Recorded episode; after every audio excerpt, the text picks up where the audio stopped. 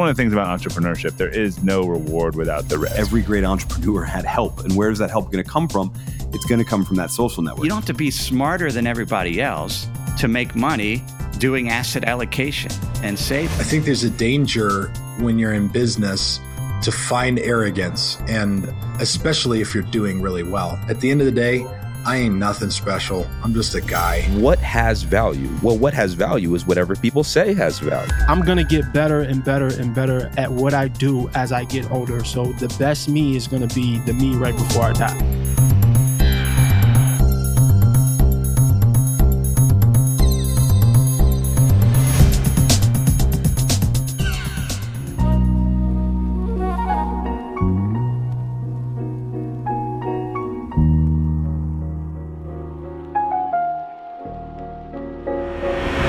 Hey, internets, welcome back to the Marketplace Podcast. I am your host, Priest Willis, and today is episode number 117, and I'm joined with Dave Chesson. Dave is the founder of Kindlepreneur. At Kindlepreneur, Dave helps authors and aspiring authors sell more books and make more money. An author himself, Dave penned the book Amazon Kindle Rankings How to Rank Your Kindle Book Number One on Amazon. Dave is the lead behind Kindlepreneur, an advanced book marketing website. He's been featured in Forbes, Entrepreneur, and SEMrush for his marketing tactics. However, prior to being an online entrepreneur, he served the U.S. military as a nuclear engineer, a military diplomat, and even as an international arms dealer. Think of War Lord with Nicolas Cage. It's a pretty amazing story. This guy has many pivots, and I think it's really, really cool and interesting. That's why I wanted to share the story with you. Plus, as many of you know, I'm an author, I have books on Amazon, so I wanted to get the insights into how to maybe optimize my books a little better. And maybe some of you guys either want to start a book or do the same. So hopefully you'll get something out of this. But even if you're not writing books, please stick around and listen to this because there's a lot of principles about vision and other things that you can plug in yourself. So without further ado, here is my man, Dave Chesson.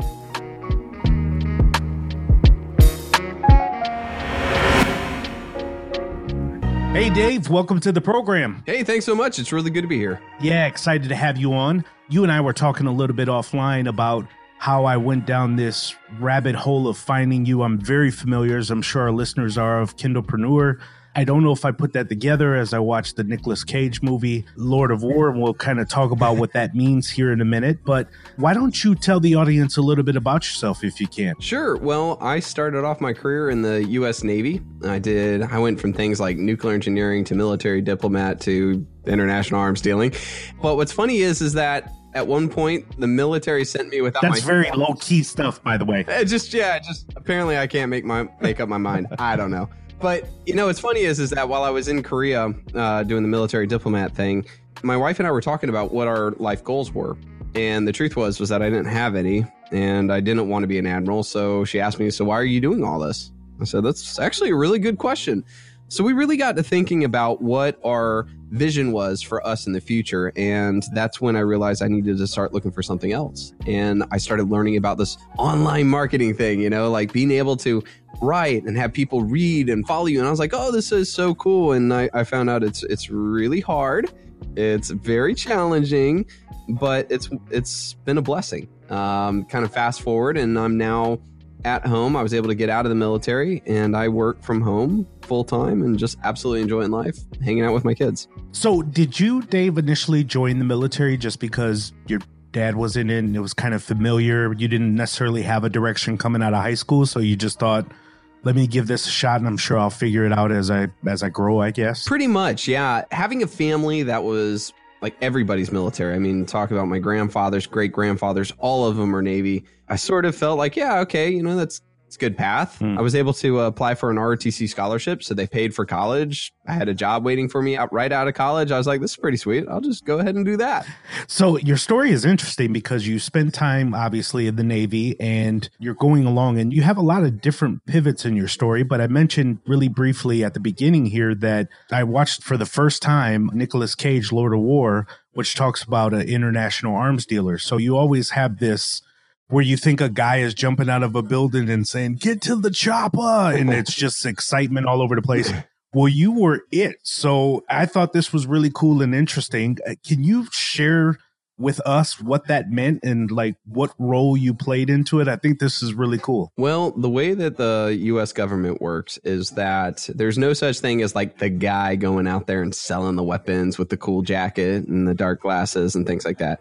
Um, but what we do though is we need to have somebody who's able to be kind of in between person where, you know, they're supposed to represent the interests of the US government, the interest of the US defense corporations, the interests of the US military, and the interest of the host nation. So the way that we work this is that every country or every US embassy has a position called the Office of Defense Cooperation Chief or ODC Chief. And this person is there to represent those things.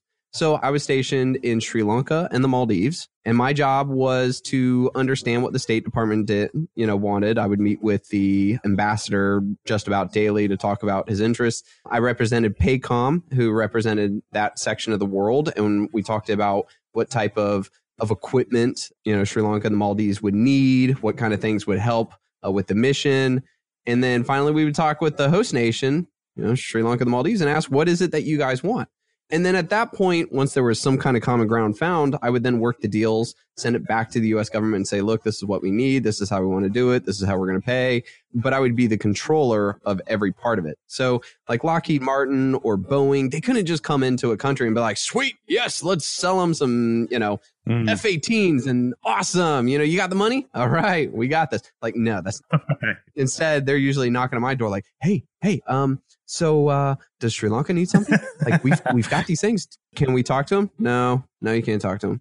Don't worry, I'll let you know. That- that's kind of how it goes. That's really interesting. So when I was reading a story in Forbes, and we'll be sure to link it up on the podcast page here, I kind of, I mean, you know, in a sense, there's kind of some, you know, I guess if you want to twist it together a little bit, there's a little entrepreneurial instinct you got to have in this, right? You're you're kind of working with different groups, you're you're networking, you're having, you know, discussions, and it's really kind of a niche business. But you didn't see yourself doing something along these lines or being a admiral or moving into the embassy at greater level you didn't see that as a long-term thing for yourself Not really, no. Uh, you know, it's funny is that you talk to any admiral and like really talk to them, Yeah. and they'll probably tell you that they kind of miss being out in the field. Like once you hit that point, you kind of lose the ability to be there, boots on the ground, and doing things.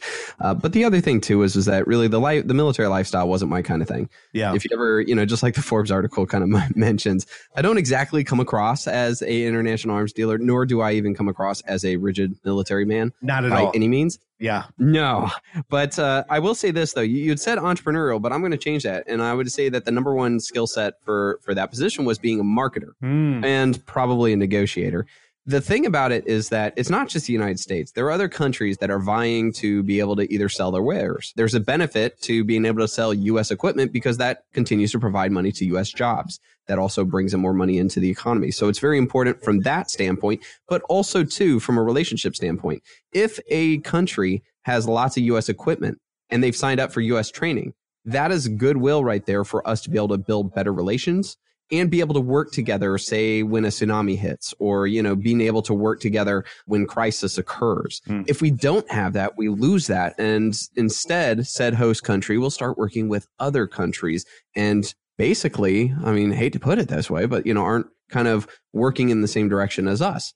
So we have to market in a bit letting them know look you know that's said country i won't say any names I'm sure it's really cheap, but you know full well the experience you've had with the equipment. I mean, it's going to break down. Oh, by the way, they don't include all of these extra things like training.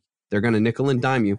Just watch, you know, or, you know, trying to provide opportunities and kind of work with people, develop an open relationship so that you can communicate. These are all things that have to happen in order to conduct that job effectively and efficiently. So I would go with marketing. so uh, when you were coming up dave were you always maybe a marketer at heart or let's just maybe stick with the entrepreneur? Was that something that was always kind of instinctively with you? Because although it does seem as if you you grew up you know as a military child you went into the military yourself you had different experiences while in the military then you come out and start a business.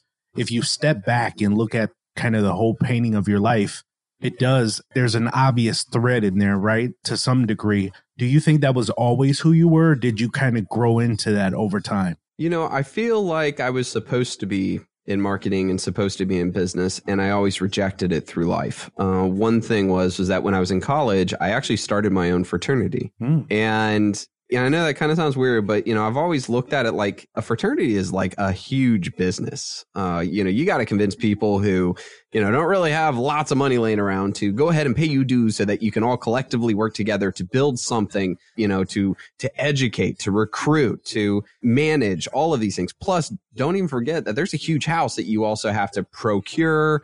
And so like all of these components were there.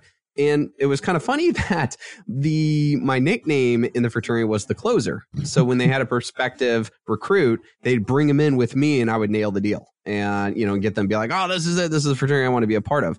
But what's funny is I get out of college and I'm like, "Nah, I want to do nuclear engineering." Wow. And everybody, uh, even my family's looking at me like, "What?"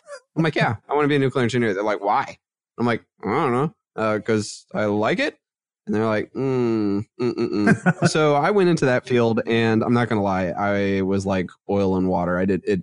Mm-mm, no, No. I did not enjoy it at all. You don't get to shoot from the hip. I mean, there's no swagger in that job. There is. You follow every one of those steps, and I get Yeah. it. But you know, I'm not exactly the most rigid person. So I did that. Did not enjoy it at all. Uh, that's when I switched over to diplomacy. I kind of like that a lot better because of working with people, but yet still, when you're working in military diplomacy and you're doing you're a liaison or uh, what have you, you really have to follow rules and you have to dress up. You have to be like dressed to the nines. You don't get to do your thing, and so it lacked a lot of creativity. So I felt like that aspect of my life was missing.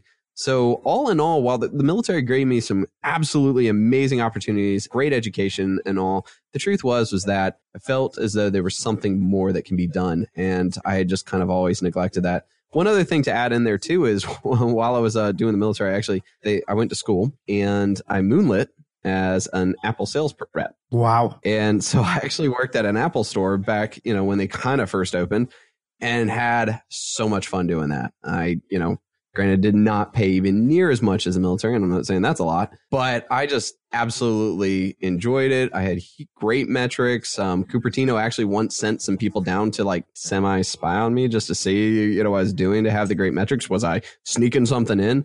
And then later on kind of told me, Wow. yeah, so it's like I never, I just rejected all of this. I'm like, okay, well, going back to the military, see ya. uh, so to answer your question, yeah, I should have listened to my heart a bit more instead of just this wild rampage through different adventures. Yeah, because it's interesting. Because when I talk to my kids, I always talk about entrepreneurs, somebody who finds the white space in the world, right? I mean, there's a lot of stuff out there. There's nothing new, as it were, under the sun, but there's always fragments in open white space. And it takes a special kind of person to see a need and then ultimately meet that need. And, you know, I always wondered, Kindlepreneur, for example, if that came out of a passion for reading or when did that kind of start brewing inside of you? Well, when I was in Korea and we had decided that I wanted to start looking for some kind of exit strategy for the military, my wife and I sat down and we were kind of constrained. I mean, I'm I'm in Korea, so I can't do a brick and mortar. Mhm. I have a background in nuclear engineering. I was also a specialist in Chinese, so I was like, okay, well, if I get out of the military, they're just going to send me to another. You know, I'm just going to pick up another crazy traveling nine to five job. And then I was like, uh, I better think of something else. So limited where I was, how much time I had. That's why online marketing came to the forefront. And I started in building websites and doing SEO and ranking them in Google. And what was great about that particular type of online marketing was that I could do it at my pace. Nothing required me at all time. I wasn't doing a service where I needed to finish things by a certain time because people were depending on me. Mm-hmm. It's it's Google, it's SEO. You can do it when you can. So I started really getting into that and kind of my number geekness kind of came out and I enjoyed looking at Google and how it works and that started to thrive. But the problem was is that i was building all these niche websites and they weren't making that much money. And i'm like i don't have much time to really be uh, cranking out lots of websites. I need to find ways to turn what i have which is the traffic i have into more money you know? And the best way you can do that is a, a product creating your own product and selling it to the customers you have. And the problem though was again still in korea. I can't manufacture a product. Instead, I've got to find something that I can send or, you know, gets to people while I sleep or while they're sleeping, whatever it be.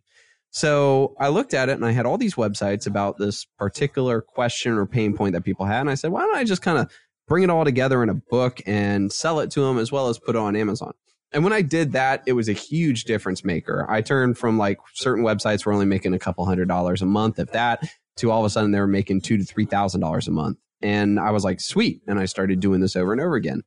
And from that point on, I, I realized that there were a lot of people that didn't understand how Amazon works and why certain books sell and others don't. And I knew I'd found my mission. And that's when I created Kindlepreneur.com.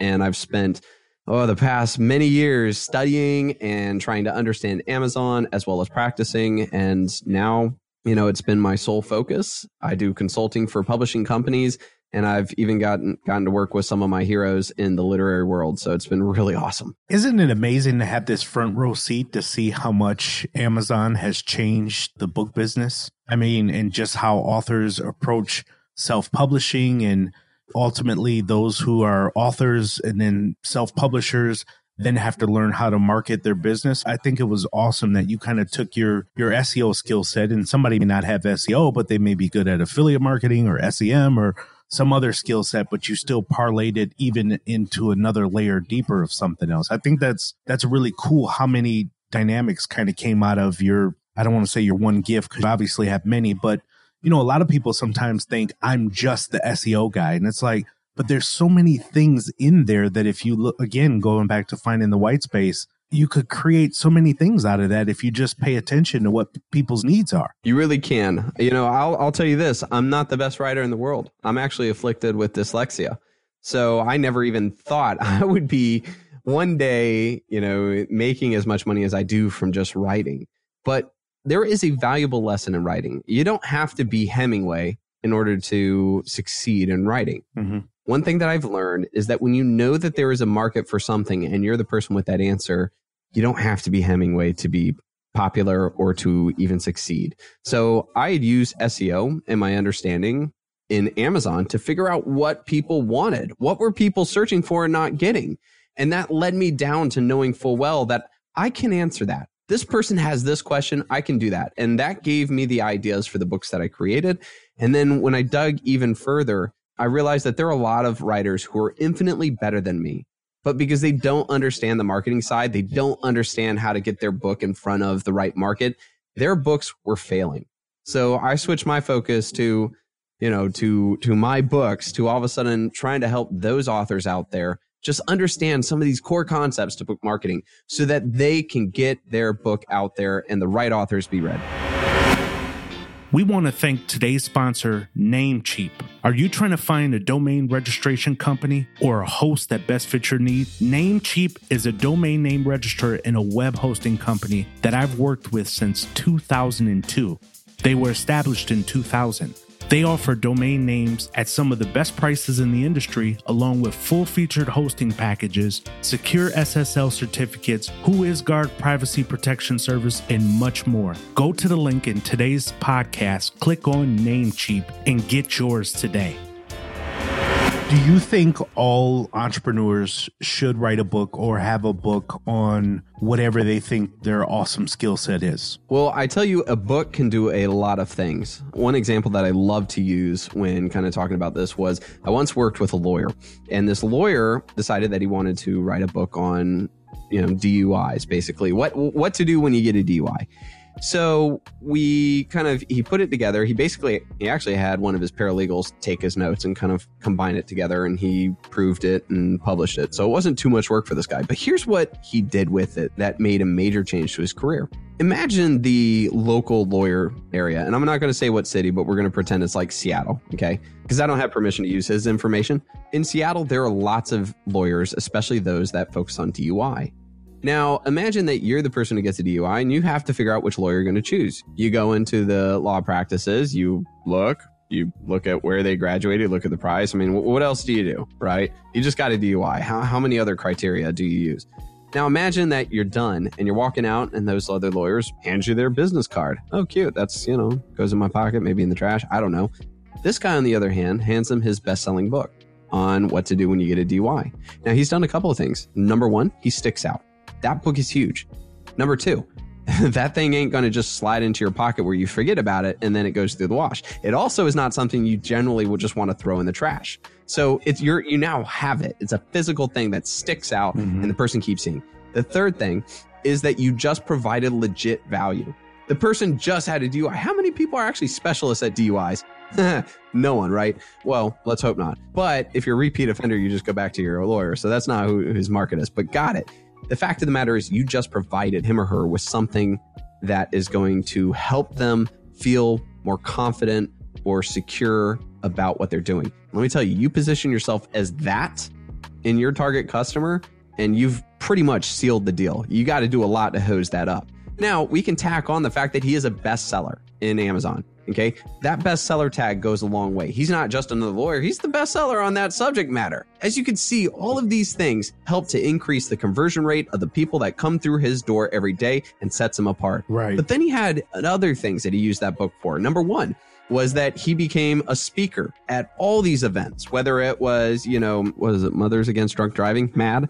Uh, he became a speaker talking about that. Why him? Well, because he's a bestseller in the subject, not because he was the best lawyer. They weren't looking at how much money he was making. It's just that he stuck out, and that's a huge, big old flag right there saying this is the guy. Yep. So he all of a sudden started doing speaking events. And because of that, he then started getting onto podcasts. He then, again, things just started to happen for him, all because he wrote this book.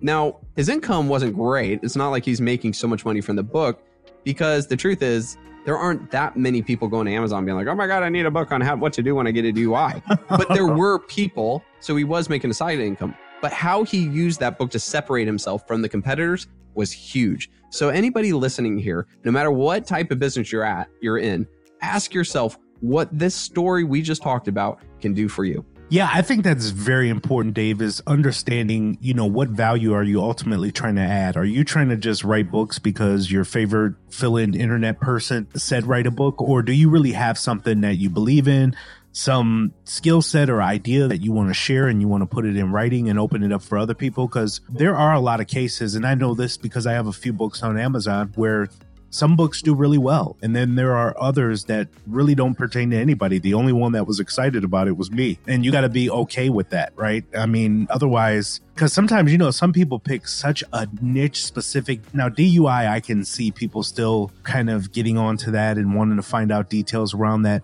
but there are some other stuff where people just aren't as excited as you are on that particular topic so if you're going to put that out online you got to be okay with people potentially not buying it. I mean, obviously, exhaust all your marketing capabilities. And this is where you may need to learn, like Dave, SEO, maybe something else like SEM. But yeah, I mean, people can't think just because they throw a book up on Amazon because there's millions of eyes that boom, you're going to start being a millionaire like tomorrow. Absolutely. You know, when it comes to book marketing, I say there's really two paths. You either A, write a book for an existing market, or B, you write that book and you go find the market somewhere, grab them by the necks, drag them to your sales page and convince them to buy. I'm sure you can figure out which one's a bit easier. Now, again, for that second one, the dragging and everything, if you're famous, if you have a following, if you have been very popular in what you do, it's easy to grab that collar and bring them over because you have their email address, right? So I want to kind of caveat that by just letting people know. But if you're a brand new writer and you don't have either major marketing skills, you're not like some Facebook ad specialist or whatever, and this is your first foray into writing and you're looking to make money, I'd highly recommend doing your research to know what is it that people want or how can I tailor this story or this thing that I want to write into something that truly fills a void that is needed in Amazon. And that right there is a huge thing that you can do to really improve your chances of success. So, Dave, I'm going to bring up the Drake syndrome in this. You brought up this lawyer who had a paralegal that kind of put his notes together or whatever he dictated. Let's look at something even maybe a little bit further down that hole and say, that somebody goes to Upwork, have somebody do the whole book, and you just kind of put your spin throughout the different pages.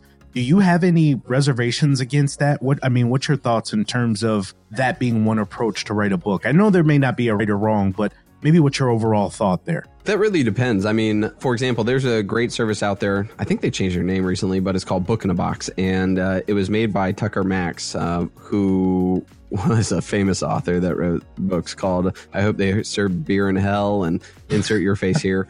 Uh, yeah, but he, he actually made this legit business that was about if you have a story to say, you know, you meet with our guys, they take notes, and then they put the book together. The books, for some of the people who have actually used that, I've read them and they were really good books. So why do I care whether or not it was them who wrote it Mm. or not?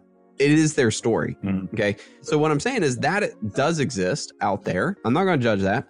But if you're going the other route where you're just finding a writer and you're, you're having them write the book, just just write the book. You got to ask yourself that when that process is done, are you making Amazon a better place? Right? Are you making the internet a better place? And if the answer is no, I'd recommend really thinking about what you're doing there. And in truth, if your book isn't good, like I mean, you skip on editing, it's disjointed, it's not really well done, I assure you the reviews will kill your future success. So if you're going to do that, which again, there's nothing wrong with it, I'd highly recommend doing a couple things. Number one, creating a huge outline, a very detailed outline. Matter of fact, I have before contracted somebody to kind of do work on a book with me. But let me tell you, I wrote the introductions to every chapter. I had it completely outlined. I had some notes. I had some resources. I had everything laid out so that it was very obvious what the writer needed to do. The other thing too is that I found a writer that I absolutely trusted. I'd read her stuff. I knew she kind of had my vernacular. She was kind of a jokester. So I was like, perfect. She had a lot of energy in her writing, very informal writing, because that's how I roll. so it was a very good fit. So that does exist. So again, you got different spectrums. You got one where it's like you're going to create crap, or there's, you know, you can do a lot of effort to make it even better. But I wouldn't just throw a story to somebody and say, go. Yeah, that's really good info. I mean, and you know, again, you bring up a good point. Are you really adding value to the internet or to the Amazon reader? Because if not, those reviews will be the death blow for whatever else you got brewing. And people read reviews. I consume them voraciously. So what books do you think sell relatively maybe more than the other, I should say? Is it the longer books because i've always questioned should i charge a particular like i've always seen 999 299 and i'm i swear i'm making up prices because i really don't know what the right thing is to charge but maybe it's by page that people are considering. How do you determine that? What's been your thought process behind the length of a book and the price of it i should ask? Well, one of the considerations any author on Amazon should use for the price is making sure that you stick between $2.99 and $9.99. The big reason for that is that if you price outside of $2.99 to $9.99, Amazon will take 70% of your royalties. But if you price it within $2.99 to $9.99, then they only take 30%. So Amazon's kind of created a way to force sell publishers to make their book 299 up to 999 so that's one thing to consider as for anything in between you know there really isn't like some set rule. A lot of lot of readers out there are just used to 299 but is there a big difference in sales between 299 and 399 i really haven't seen it but i have seen some cases where somebody raised their say a sci-fi military book to 599 and they actually made more sales than when it was 299 so there's a lot of like psychology there. The answer really also depends on your genre but i've never really seen a big difference of well the book was 200 pages so therefore it can only be 299 and this book is 400 so we should double it i don't really think the amazon readers look at that you know when back when uh we actually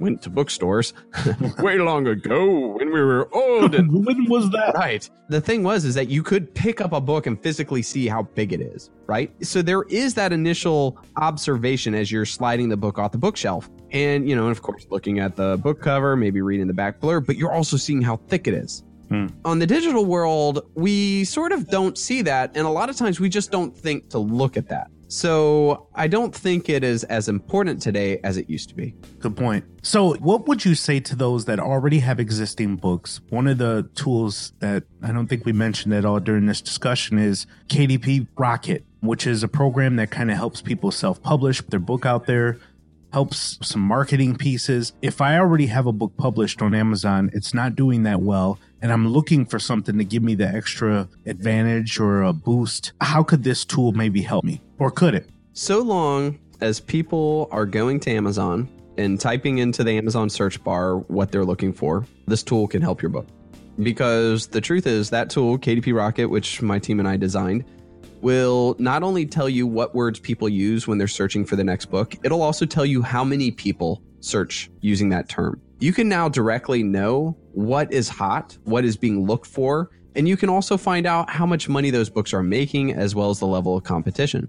So if you wrote a book and you didn't see the sales, but you know there's a market out there, KDP Rocket will help pull back the curtain and let you actually see what's going on and help you to find better keywords. And keywords are very important for discoverability because those are the words that you tell Amazon to say, Hey, Amazon, when somebody types this in, please put my book in front of those shoppers. And now, knowing what words people type in, how many, and how much competition, you can make the right decision. Before, you were just kind of guessing and hoping. Now, you can actually see what's going on. Hmm. And using that tool, you can give your book the best chance to be in front of those shoppers. That's good stuff. Yeah, I'm gonna get it myself for sure. And it's something that I definitely want to apply to my books. I thought I had strong keywords. I did separate keywords. I use keywords. I believe it's everywhere and some other tools that I've done, but I need something with a little little more teeth to it. So, and I think you and I talked about kind of going down this path of I watched the movie with Nicolas Cage and I seen your other stuff and I'm like, oh, this is the guy to talk to for sure. I, you know, you you seem to be doing so much in such a short time because you're a younger man. You have a family, of course, and all that good stuff. But you seem to be so grounded and so focused. And I know you sat down with your beautiful wife and you guys had a discussion. What is it that I want to do? But you seem to come to this place where you're just at peace, or at least that's what I sense the energy. and you seem to be grounded and focused. How do you handle the adversity and maybe sometimes the mental challenges that entrepreneurs talk about? How do you balance that? Bourbon. No, just kidding. Uh, good bourbon on the rocks. Don't put that Coke in there. That'll do it all the time. That's right. Yeah. No, um, you know, it came down to that that word vision.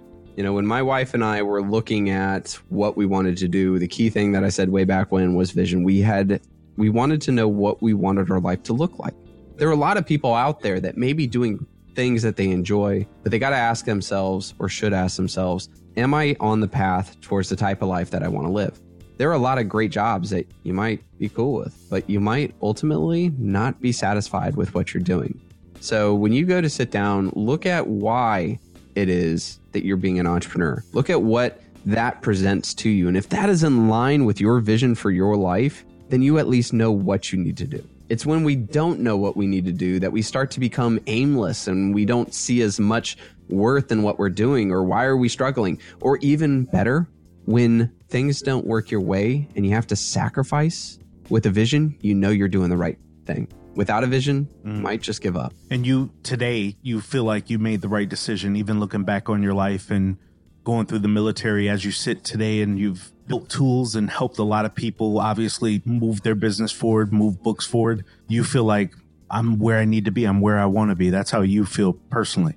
100%. It's amazing. That's awesome, man. And the reason why I asked this, sincerely ask it, is because again, in this climate, so many entrepreneurs are watching Shark Tank and other stuff and they just want to jump out on something. Mm. And I don't know if it comes with the real passion or satisfaction or whatever that word is, vision. Vision is the better word where, you know, somebody really wants to do something and oh, by the way, if the money and the the other stuff comes with it, they'll be satisfied with it. And again, you sound like you are. I mean, this stuff really again, you look at your your life as you've gone through the military and done arms dealer and all this other stuff, diplomat. You step back and it it seems weird, but then again, it makes sense and it's it's so fluid in a sense. And I kind of tip my hat to you and your family for kind of finding that place of peace as you build your business. Thank you. Well, we spent many years separated. There were many years on a submarine without my family. When I was in Korea, the military sent me without my family. And then parts of Sri Lanka again was hmm. another kind of sacrifice. So we knew what it was we wanted, and it was to be together. So it was when times got tough, it didn't matter because to me, the vision was being home with my kids, being there, helping them, you know, watching them grow and creating, you know, something that not only provides that, but also provides for my own inner growth as well. That's awesome. That's really good stuff. So you don't have to give away the secret sauce, but five years from now or whatever it is, what do you? Is there something you're shaping now as a new business, or you're just focused on what you have going, or maybe not five years, but the next year or two? What What are some of the things you're you're pushing forward? Well, a lot of it's just kind of growth and scaling. So right now my team has 14 people a part of it. And I'm not going to lie about 2 years ago I never even would have thought I'd have that many. And yet we're probably we're already hiring more people. So now it's what I love most about this online marketing as well as being your own entrepreneur is you can kind of control the throttle you know, of how fast or slow you go, how much you want to add to it. And I just love the challenge. So I used to be a solopreneur, you know, just head down, like let's do this. This is my thing, my products, you know. And then all of a sudden I had to kind of relinquish the reins a bit, you know, and let people take on a responsibility or two. And I'm like, oh boy, I don't know what to do about this. This, this kind of sucks. but then I had to grow again. And again, it's just that's what I love most about this. There's always a challenge. So a lot of it's scaling. It's learning to be a business leader instead of just a hard worker. And you know that big word, the leadership word that I just used. You know that that's that's huge. So I'm really excited about that. I'm really excited about all the growth that this brings and the challenges as well. So this is good stuff, Dave. If somebody wants to get in touch with you, they want to find out more about what you're doing, your products out there, feel free to share your Twitter. Feel free to share whatever you like at this point. Yeah, if anybody has any questions or anything, if you go to kindlepreneur.com, I've got a contact page there. Just hit me up and I'll be able to respond. Otherwise, you know, not much of a social media guy. I think I just use like Facebook as my own personal thing, but uh, yeah, just answer. I'll answer questions there. Awesome. Thank you so much for your time, Dave. I really do appreciate it. and thank you for having me.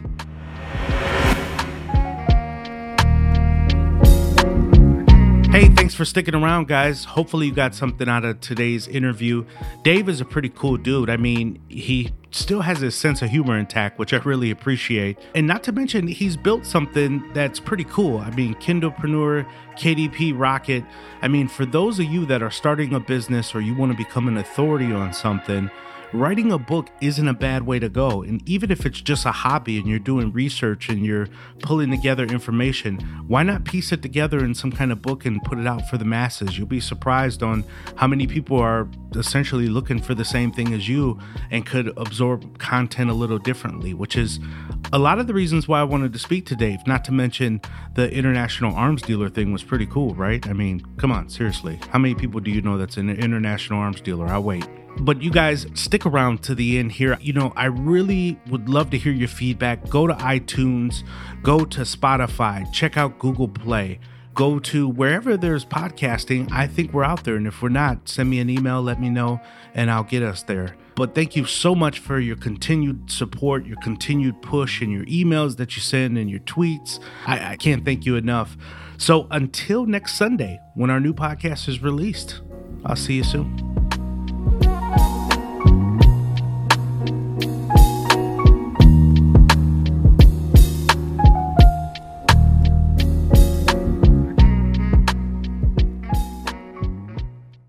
The best ever. My style is impetuous. My defense is impregnable. And I'm just ferocious.